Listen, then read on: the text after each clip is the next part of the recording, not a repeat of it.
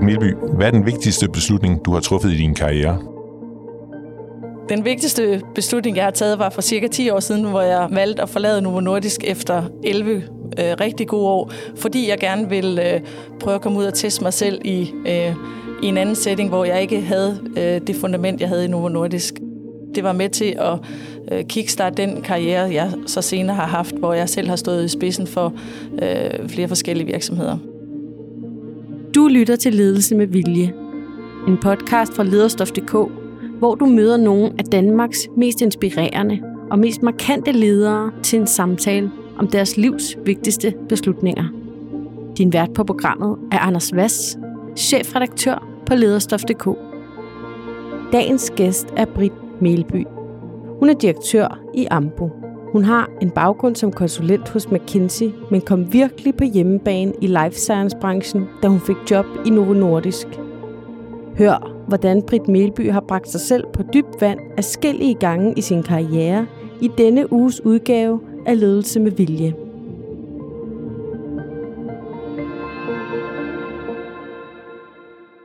Britt Melby, hvad karakteriserer dig som leder? Så jeg tror, det, der karakteriserer mig som leder, er, at jeg er en, øh, en meget ambitiøs øh, leder, både på mine egne vegne, øh, og først og fremmest på mine egne vegne, men også på mit teams vegne. Øh, jeg er meget teamfokuseret, også med det, jeg kan godt lide at skabe succes sammen med andre, og dele de succeser, vi skaber sammen med andre. Øh, samtidig øh, er jeg også meget åben, transparent og involverende øh, i, min leder, i min lederstil. Øh, jeg er en meget positiv person, tror jeg folk vil sige. Øh, jeg synes, min rolle er lige så meget at øh, skabe energi i organisationen og også vise, at øh, øh, vejen frem, men samtidig også, at det skal være sjovt at gå på arbejde, fordi vi samtidig også øh, arbejder høj, hårdt. Øh, Øh, så det der med at have et højt energiniveau og gå forrest, tror jeg mange også øh, vil sige om mig. Øh, og så være meget fokuseret samtidig på, hvordan er det, vi som virksomhed skaber værdi først og fremmest ved at have rigtig meget fokus på vores kunder, øh, men også de forretningsmæssige resultater, vi skaber, og den værdi, vi skaber for vores øh, aktionærer. Er det en slags balanceakt mellem det, øh, det gode humør, den positive stemning, og så øh, kravet om afkast?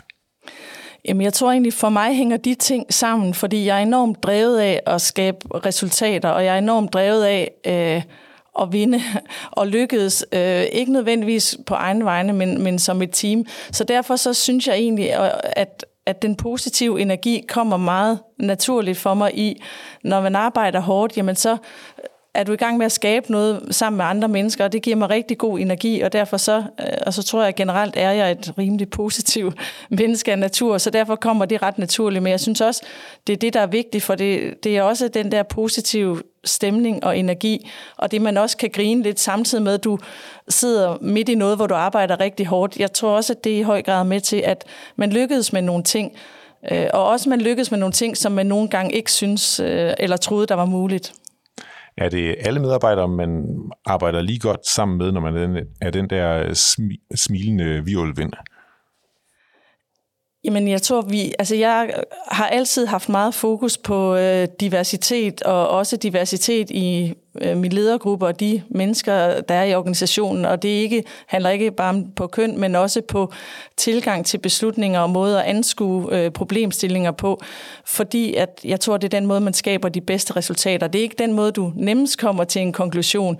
Øh, jeg er meget nysgerrig af natur, og det betyder også, at øh, jeg prøver meget at forstå, når nogen har nogle andre synspunkter end mig, hvor det er, de kommer fra. Og jeg synes selv, at jeg er meget åben over for også at ændre øh, de synspunkter, jeg selv har øh, af gode argumenter.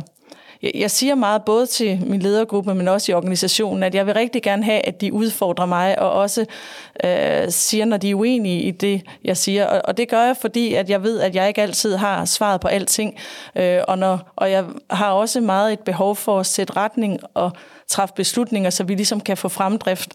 Øhm, og hvis der ikke er nogen, der siger mig imod, jamen så er risikoen for, at jeg er gal på den, fordi det er jeg nogle gange, og dermed træffer den forkerte beslutning, øhm, den er stor, hvis ikke folk nogle gange tør at komme og sige, nej, har du lige overvejet det her, og det er måske ikke helt rigtigt. Og så er der jo de gange, hvor øh, man som leder bliver nødt til at træffe nogle, nogle svære beslutninger. Du kom her til øh, Ambu for, for knap et år siden, og øh, startede med en, en, en større fyringsrunde. Hvordan griber du så noget andet som, som leder med det mindset, du har?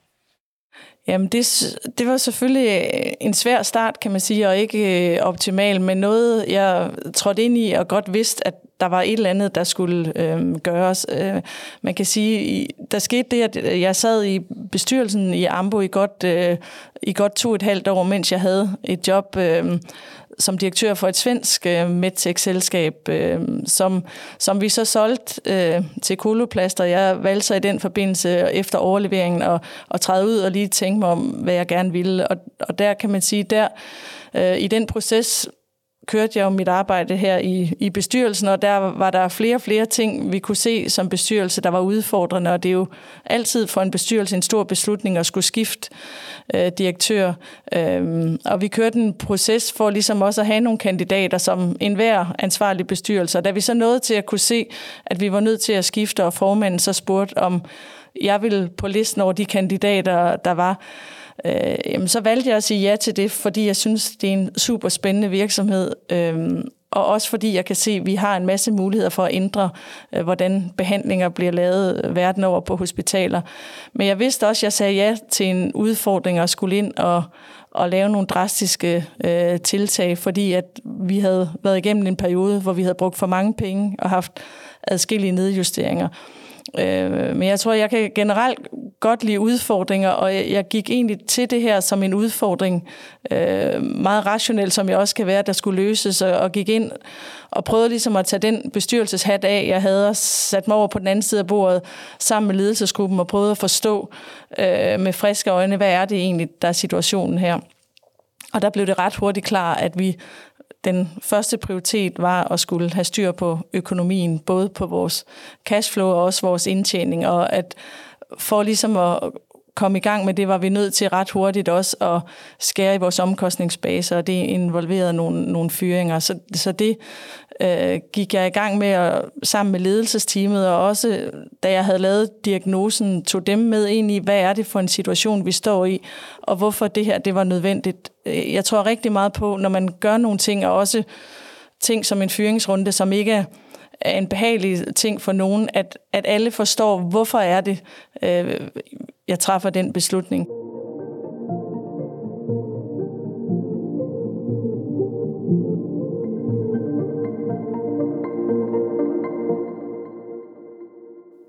Nu spoler vi tiden tilbage, for det her det er jo ledelse med vilje, hvor vi taler om de største beslutninger i din karriere. Du har en karriere, hvor du er uddannet øh, Kant Mærk og har arbejdet en række år som øh, øh, McKinsey-konsulent, inden du øh, skifter til, øh, til Novo Nordisk.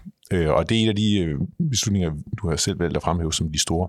Hvorfor var det en stor beslutning for dig? Jamen altså, jeg var konsulent i McKinsey. og havde øh, en super spændende tid med en meget stejl læringskurve, hvor øh, jeg lærte rigtig meget, arbejdet sammen med super dygtige folk, men kunne også mærke, at jeg havde lyst til at komme ud og ikke kun se, hvad var det for nogle udfordringer, der var, men rent faktisk være med til at løse dem og stå på mål for øh, at løse dem, øh, og, og også dermed at bevise, at de anbefalinger, øh, vi havde, også rent faktisk øh, kunne føre til de resultater, vi ønskede. Og der overvejede jeg lidt forskellige øh, muligheder, og valgte så at sige ja til nu, et job i Novo Nordisk som, øh, øh, som produktchef for et øh, produkt, øh, der skulle lanceres. Øh, det var en rigtig stor beslutning for mig, for det var ligesom den beslutning, jeg tog om at gå ind i life science-branchen, som jeg nu har været i i over 20 år. Øh, en super øh, spændende øh, branche at være i.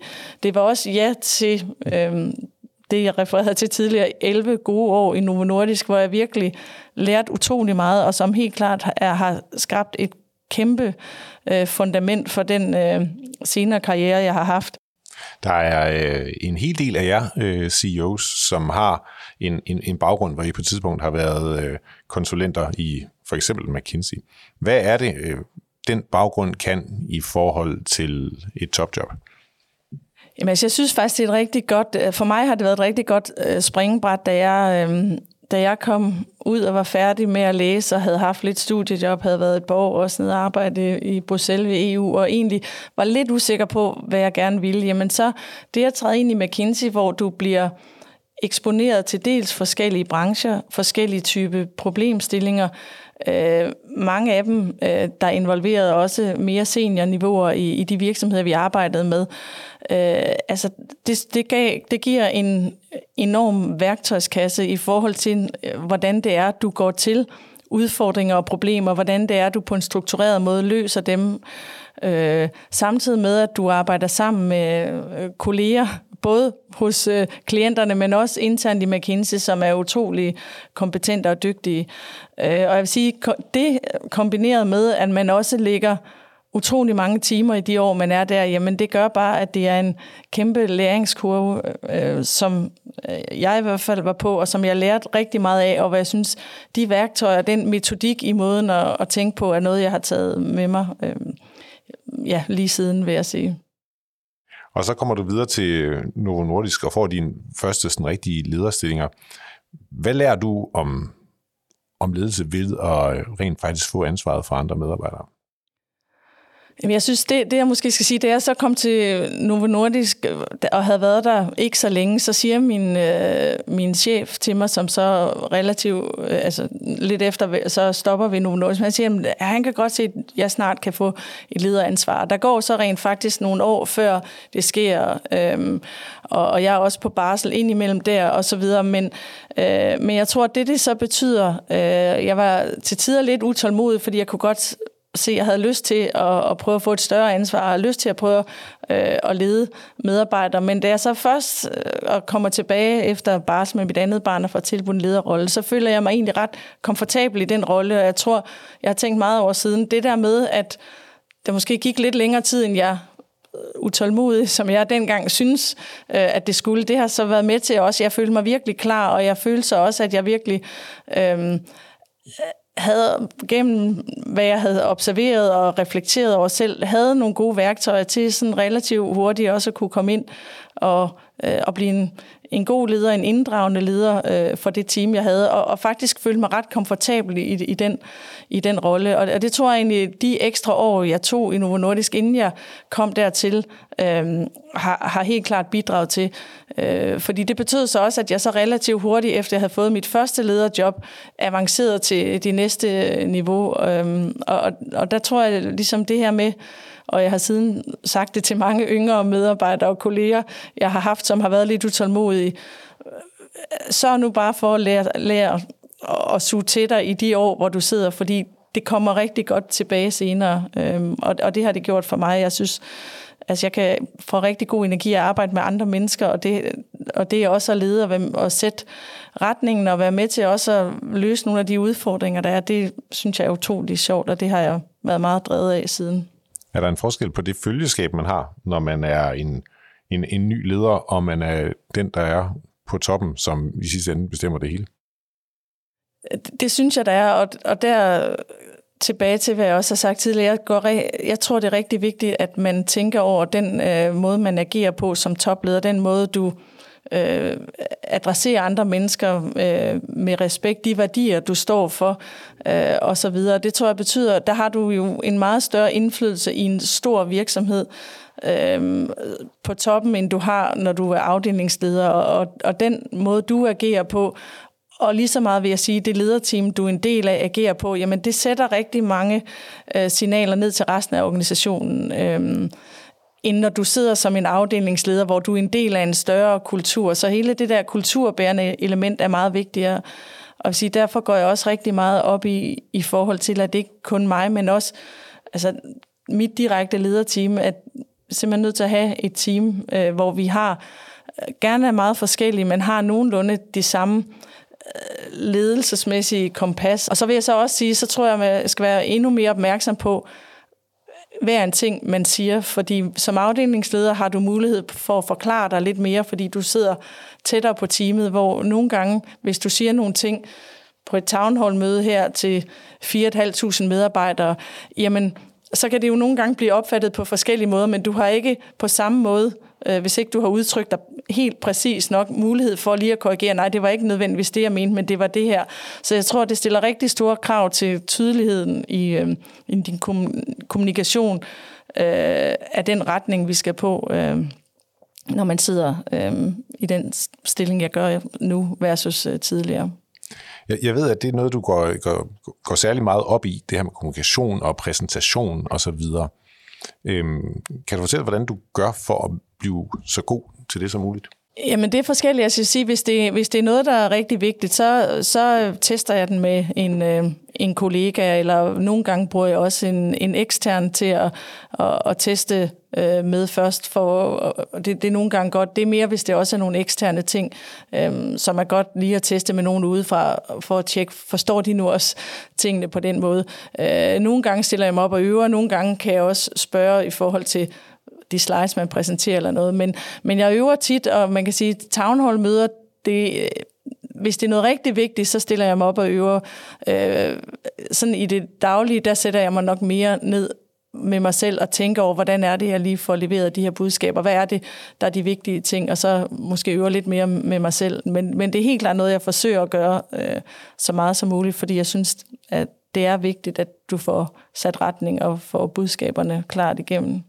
Du siger, du også har fået noget træning. Hvad, hvad er det, øh, du har øh, arbejdet med for at blive dygtig? Meget af det handler jo ikke kun om, hvad det er, du siger, men også, hvordan du siger det, øh, dit kropssprog øh, og så videre. Så, så alle sådan nogle ting, øh, hvis det er en specifik ting, øh, hvor for eksempel der handler om noget med at kommunikere noget til øh, investorer, der for nogle år siden forberedte en børsnotering, jamen så får en ind, der er vant til at øh, at træne nogen, der kommunikerer til investorer, der, der skal ud og, og gå på børsen, jamen så få noget udfordring både til mig, men også til de andre i mit team, der skal præsentere. Det, det, det gør bare, at man bliver bedre, og, og når det er sådan nogle ting, der er vigtige, så er det også vigtigt, at man er ordentligt forberedt.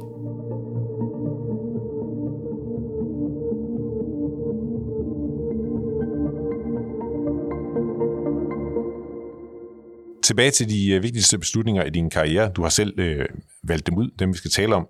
Og, øh, og den anden her, det er en, øh, det er en privat beslutning. Kan du fortælle, øh, hvad det er for en beslutning, og hvorfor det er en af de vigtigste i din karriere? Jamen, altså jeg tror, en, den, en af de vigtigste beslutninger, jeg har taget, det er at, altså valget af øh, den mand, Nikolaj, øh, min mand, som jeg er gift med i dag, og, øh, og har tre børn med. Øh, og grunden til, at den beslutning er så vigtig i forhold til øh, også karrieren, det er jo, at når man vælger øh, sådan et job og karriere, som jeg har, jamen det betyder jo rigtig mange øh, timer øh, på jobbet væk fra familien. Jeg har altid også haft øh, globale øh, roller, det vil sige, at jeg har også rejst rigtig meget. Øh, og, og samtidig så tror jeg, som så mange andre topledere, så det, der helt klart jo er vigtigt for mig, jamen det er min familie. Øh, og, og det at være i stand til at kombinere et godt familieliv, og også samtidig med at have et job, hvor som virkelig giver rigtig meget energi, og hvor jeg kan lægge rigtig meget passion i. Det synes jeg er vigtigt. Og, og det er jo noget, der kræver, at man har en mand, der også øh, er enig i det. Og jeg vil sige, at i vores tilfælde mødte vi hinanden øh, relativt unge, da vi begge to læste på Handelshøjskolen i Aarhus. Og vi blev begge to konsulenter efter studierne, og har så begge to også siden haft lederkarriere, som vi skulle få til at hænge sammen med. Øh, også at have et familieliv, hvor vi øh, valgte at, at få øh, tre børn. Øhm, og det har selvfølgelig betydet, at, at der har, især da børnene var små, været øh, rigtig mange valg, der skulle tages i forhold til også at sørge for, at, at tingene fungerede derhjemme, øh, så tingene også kunne fungere øh, på arbejdet og, og have den balance. Og da vi fik barn nummer tre, fik vi mere hjælp derhjemme, så at, at tingene bedre kunne hænge sammen. Og, og det er noget, jeg tror, der, øh, og jeg ved, at der er mange, der, der også kæmper med. Hvis jeg må provokere lidt, så... Øh så er der jo ikke mange af de CEOs, vi, øh, vi interviewer, der, der fremhæver det private. Øhm, og øh, det gør du, øh, og du er samtidig en af de ganske få kvinder, der øh, sidder på topposter i dansk øh, erhvervsliv. Er der en sammenhæng? Jamen, altså, det, det tror jeg, det, vi er jo alle sammen forskellige, men det, det tror jeg, der er. Altså, jeg tror, det er øh, ekstremt vigtigt, og, og at der også er balance øh, på, på hjemmefonden. Øh, og, og det tror jeg, fordi at når du har et, et krævende job, jamen så er der, øh, udover der, altså at der er mange timer. Det tror jeg, det er svært at undgå, at, at du investerer mange timer i det. Jamen, så er der også jobmæssigt svære tider, hvor der øh, er, kræver dels ekstra mange timer, men også ekstra meget mental kapacitet. Og der tror jeg, hvis ikke du har, øh, hvis du skal have energien og overskuddet til også at bevare roen og til ligesom at bevare skarpheden i, i de situationer på jobbet, det tror jeg, øh, og det vil for mig i hvert fald være svært, hvis ikke jeg også følte, at øh, Øh, jeg havde en, en, en god base derhjemme, og også ikke kom hjem og skulle kæmpe med en masse ting der, fordi jeg tror, der er ingen af os, øh, jeg er i hvert fald ikke noget overmenneske, så der er en begrænsning på, hvad man kan. Så, så derfor så tror jeg, det er ekstremt vigtigt øh, for de valg, man tager privat, altså tingene smelter sammen, at, at der også er en øh, støtte og en forståelse og en opbakning til, øh, til de valg, man tager. Og, og i vores tilfælde vil jeg sige, der har øh, min mand også haft leder karriere, men han har nok i det store billede øh, taget lidt øh, flere øh, opgaver derhjemme, og vi har så også forsøgt at øh, få hjælp til alt, hvad der ligesom vi kunne få hjælp til, så vi kunne øh, begge to dedikere mere tid til, øh, til de ting, der betyder noget, og til at være sammen øh, som familie og sammen med børnene. Men, men, men jeg tror, det er, vi er jo alle sammen hele mennesker, og derfor så fremhæver jeg det, fordi jeg tror, det er rigtig vigtigt, og det er det uden tvivl for mig. Hvis ikke tingene øh, havde været gode på hjemmefronten, så tror jeg ikke, at jeg ville have haft energi til den karriere, som jeg har haft. Nu kan du selvfølgelig ikke øh, svare for de der øh, 933 øh, ud af 1000 øh, topchefer i Danmark, der, der er mænd. Men, men er det ikke det samme, øh, uanset om man er mand eller kvinde?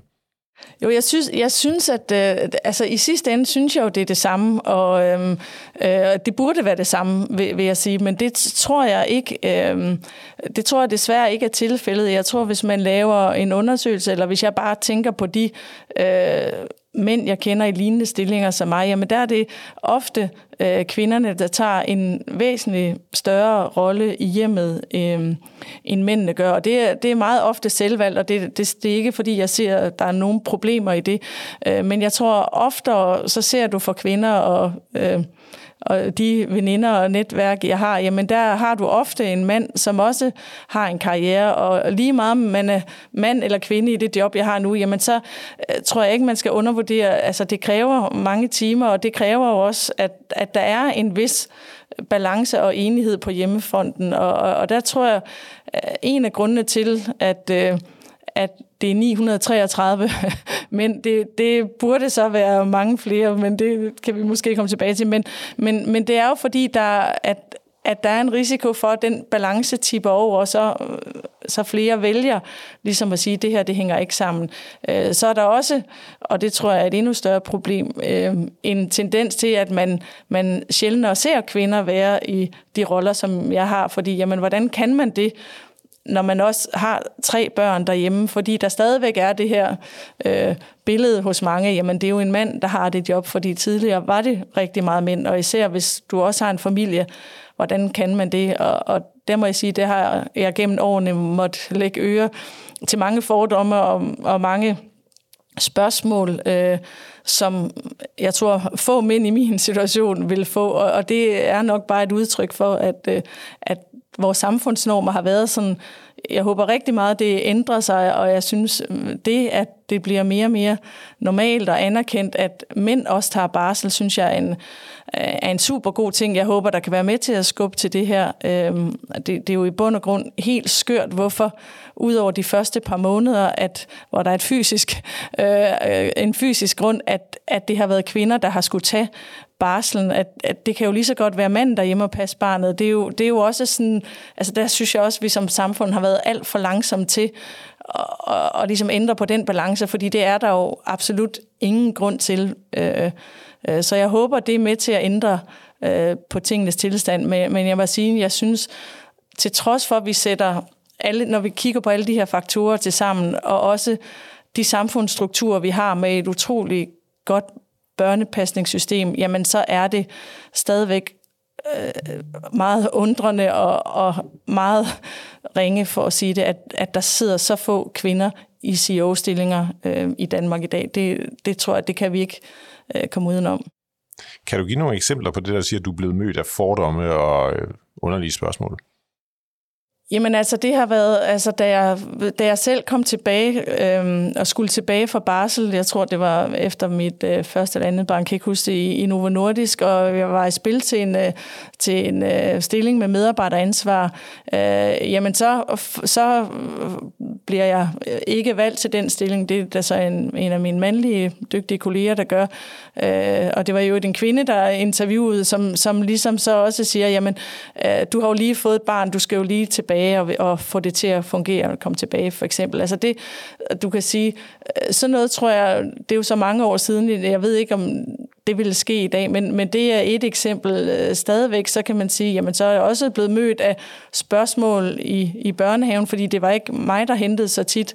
Øh, men øh, så som, jamen det, din børn trives så meget godt, til trods for, at du er så meget væk, hvor sådan vil man ikke sige til en mand. Og, altså, og, og der er rigtig mange små kommentarer gennem årene, og, og jeg tror, at, at det er ligesom, altså jeg, jeg er rimelig bred, bred skuldret på den, på, på den front øh, til ligesom at, at, at, at tage de kommentarer, og, men, men, men jeg synes mere, det er et udtryk for, hvor vi har været som samfund. Og, og, og jeg vil sige, jeg bliver også bekymret, når jeg kigger på, hvor vi er i dag, fordi selvom jeg tror, det er blevet meget bedre, der er meget mere bevidsthed omkring det, men hvis vi kigger øh, i børsen, som i starten af januar viste, hvilke nye Øh, CEOs er der kommet ind i børsnoterede selskaber i 2022. Jamen, ud af, jeg tror, 15, så var jeg den eneste kvinde, og det er jo, øh, det viser jo bare stadigvæk, at vi har rigtig lang vej igen, og det, det er noget, jeg synes, der er problematisk. Vi er kommet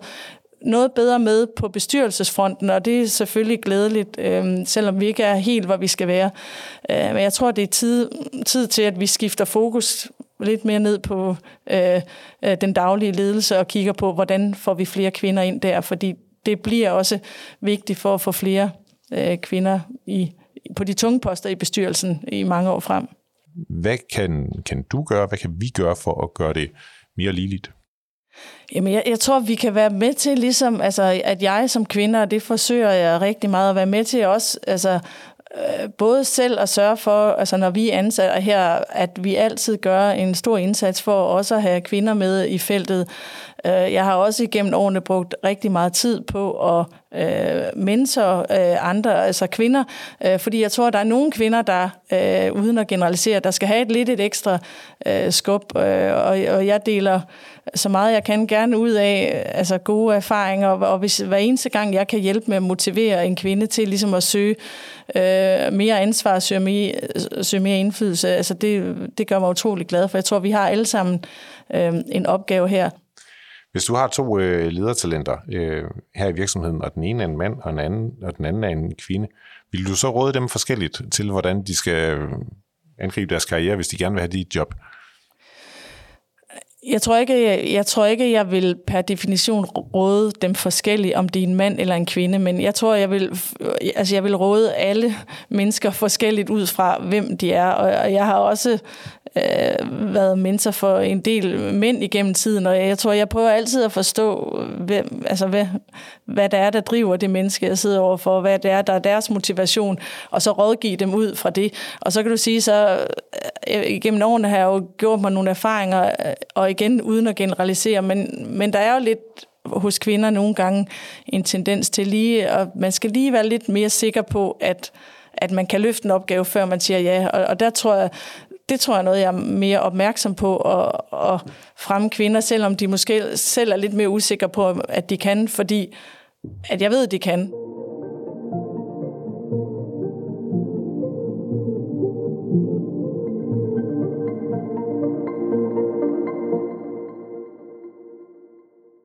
Vi beder altid vores hovedpersoner om at tage en genstand med, der siger noget om dem som menneske og leder.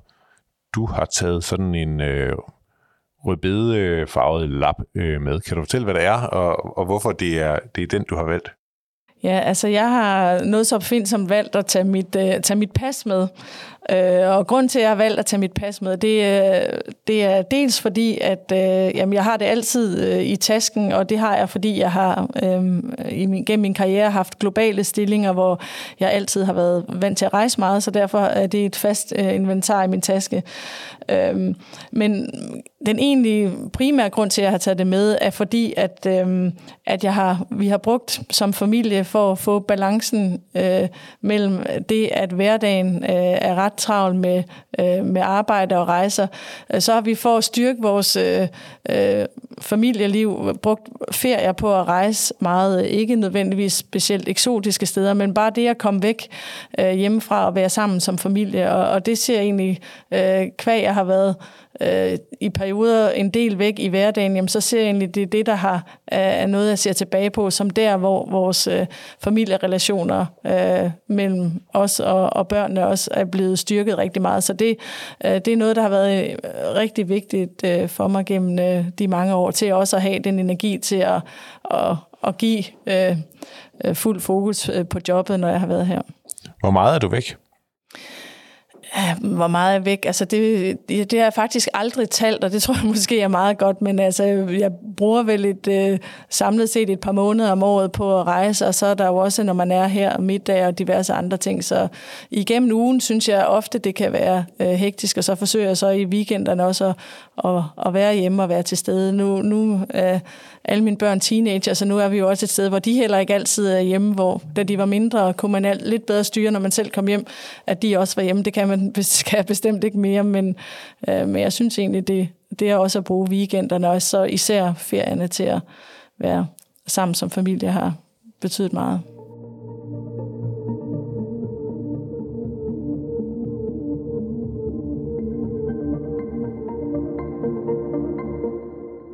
da du øh, forlader øh, Novo Nordisk for at øh, bryde ud af, af den her trygge karrierevej øh, Øh, og skifter til øh, det firma, der hedder DACO. Hvad er dine overvejelser dengang, og hvad er det, du har lært? Ja, altså de overvejelser, jeg har, altså jeg havde et job i øh, Novo Nordisk, som jeg var rigtig glad for, og egentlig øh, så, definerede egentlig også min karriere ud fra, hvad er der af spændende ting i, i Novo Nordisk. Øh, og da der så kom nogen og spurgte, om jeg var interesseret i at, at tage en rolle i Darko, som øh, på det tidspunkt var en virksomhed, der lige var købt af et amerikansk selskab, og de manglede så en, der skulle varetage den her direktørrolle for Darko-selskabet, rapporterende ind til øh, de nye ejere af Agilent. Jamen, øh, det, der ligesom fik mig til at overveje, det var, jamen jeg sad i Novo Nordisk på det tidspunkt, og egentlig kiggede på mine, de forskellige næste skridt, jeg kunne tage, men også velvidende, at det var ikke sikkert, at det nødvendigvis var mig, der blev valgt til, til de jobs. Øh, og jeg har altid haft meget fokus på, og også sagt til andre, øh, at husk, at du selv er ansvarlig for din egen karriere. Du skal ikke altid sidde og vente på, at andre tager valgene for dig, eller kommer og spørger.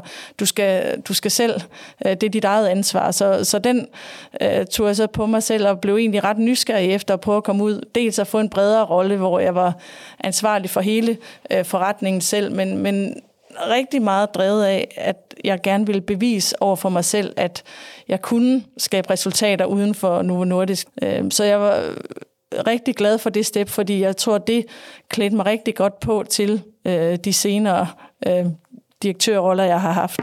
Ja, for du har jo haft flere.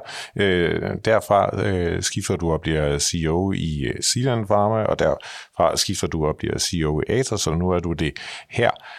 Hvad er det, der er den største udfordring ved at komme ind udefra og skulle styre et helt andet firma, øh, hvor der jo i sagens natur kan være en anden kultur, og i øvrigt også nogle andre produkter, man laver, og selvom det er inden for samme sådan, større branche.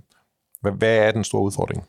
Jeg tror, den store udfordring, når man kommer udefra, det, det er det her med, at du kender ikke, du har måske fået fortalt historikken, men du kender ikke helt historikken. Der er en masse ting, man skal sætte sig ind i omkring både kunderne, øh, produkterne, virksomhedskulturen, øh, og, kom, og gerne komme hurtigt øh, op to speed på, så man ligesom kan begynde også at, at danse et billede af, hvad er de rigtige ting her, og hvad er den rigtige strategi, hvad er det rigtige hold, og, og så videre. Så jeg tror, det er det der med at få, at få det der billede velvidende også, at du kan ikke nødvendigvis gå hen og spørge folk i organisationen, fordi du kan ikke altid være sikker på, at du får det rigtige billede, fordi folk sidder også med, med deres egen hat på, og nogle gange måske, altså når der kommer nye ledere, øh, kan tit godt være lidt usikre på, hvad er det, det betyder. Så jeg tror, det er nogle af de ting, der er svære, men samtidig også, jeg synes, der er sjove og øh, får energi af. Og, og så tror jeg, for mig betyder det rigtig meget, at jeg føler mig komfortabel i rollen og, og føler, okay, det her, det har jeg, det har jeg styr på, eller det skal jeg nok få styr på. Øh, og det tror jeg, jeg har helt klart fået mere den ro og den følelse af den erfaring, erfaring eller de erfaringer og roller, jeg har været igennem. Kan du give nogle konkrete eksempler på, på nogle gange, hvor du har trykket for meget eller for lidt? Jeg tænker, det kræver også et vist mod at komme udefra og være den, der i virkeligheden ved mindst om øh, virksomheden, men har fået en rolle, hvor man alligevel skal bestemme mest. Jamen, jeg tror, altså noget af det, hvor jeg, har, hvor jeg nok har, hvor jeg tænker, jeg har trykket for langsomt, altså det har været, øh, altså da jeg kom ind i Atos, øh, tror jeg, jeg forstod ikke, Altså, der havde der været en meget anden ledelseskultur, øh, som også havde vist sig i, øh, i den engagement survey, der var blevet lavet, inden jeg kom ind. Og der var der, der tror jeg ikke, jeg helt forstod, hvordan det var, øh, hvor meget anderledes øh, den tidligere ledelse havde drevet butikken i forhold til min egen øh, ledelsestil, som at være meget øh, åben, øh, og være meget lyttende, og være meget involverende, og det her med at få, øh, få folk til at komme frem, ligesom også at sige, hvad det er for nogle ting, der ikke øh, fungerer.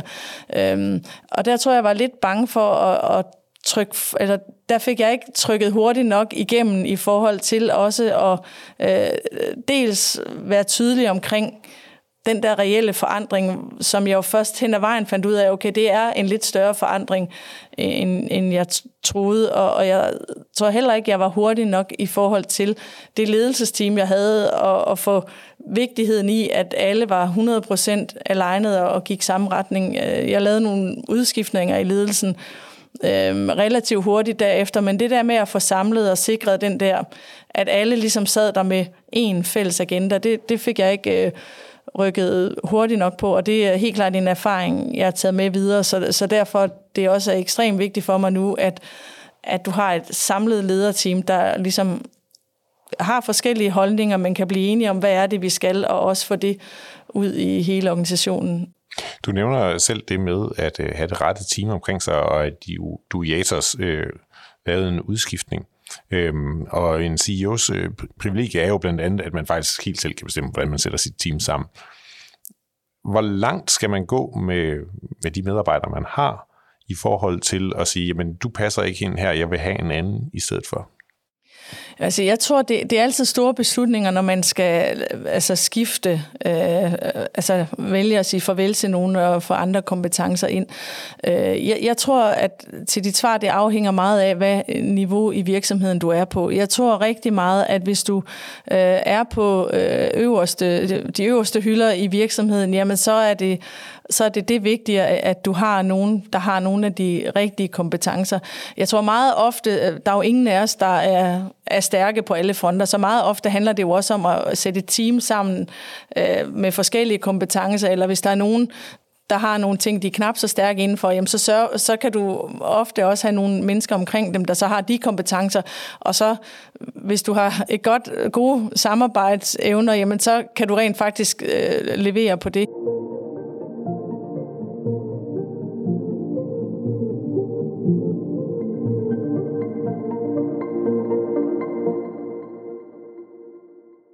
Vi slutter altid ledelsen med vilje af med at spørge, hvilke beslutninger, der står foran dig som leder.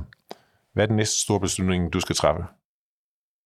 Den store beslutning, som jeg står for nu, det er i forbindelse med den nye øh, strategi, vi har lanceret, som er en strategi, der har øh, der handler om at være mere fokuseret og også øh, have større fokus på den måde, vi eksekverer på. Øh, vi er en vækstvirksomhed, så det, der er rigtig vigtigt for os, det er, at vi sørger for at vokse meget, øh, men samtidig er vi også en virksomhed, der skal øge indtjeningen. Så, så jeg vil sige, det er ikke én beslutning, men de beslutninger og trade-offs, vi skal lave for øh, at sikre, at vi både maksimerer væksten og også begynder at tjene flere penge. Det vil jeg sige, det er, det er nok den største beslutning, øh, som jeg står overfor. Og så vil jeg så også sige, altså vi, øh, vi havde mistet noget af tilliden hos vores aktionærer, fordi vi lavede øh, gentagende nedjusteringer. Så øh, den anden ting, hvis jeg må sige, en anden vigtig ting, det er måske ikke så meget en beslutning, men det er at sørge for også at øh, genskabe tilliden hos aktionærer, både gennem at levere på det, vi siger, øh, vi leverer på, og også på åben og transparent øh, kommunikation. Hvad med dig personligt? Nu har du haft øh, relativt mange øh, jobskifter fra det ene CEO-jobs til det andet gennem de seneste år. Øh, efter min øh, rolle i Atos tog jeg øh, nogle måneder, øh, hvor jeg bevidst besluttede, at jeg ikke skulle sige ja til noget, før jeg havde tænkt over, hvad var det, jeg ville øh, bruge øh, de næste år af min øh, karriere på. Og, og der tog jeg så et aktivt valg om, at jeg gerne vil være i en operationel rolle, fordi jeg synes, at det er sjovt at arbejde, og jeg synes også, det er sjovt at være i en, i en rolle, hvor man skaber resultater med andre.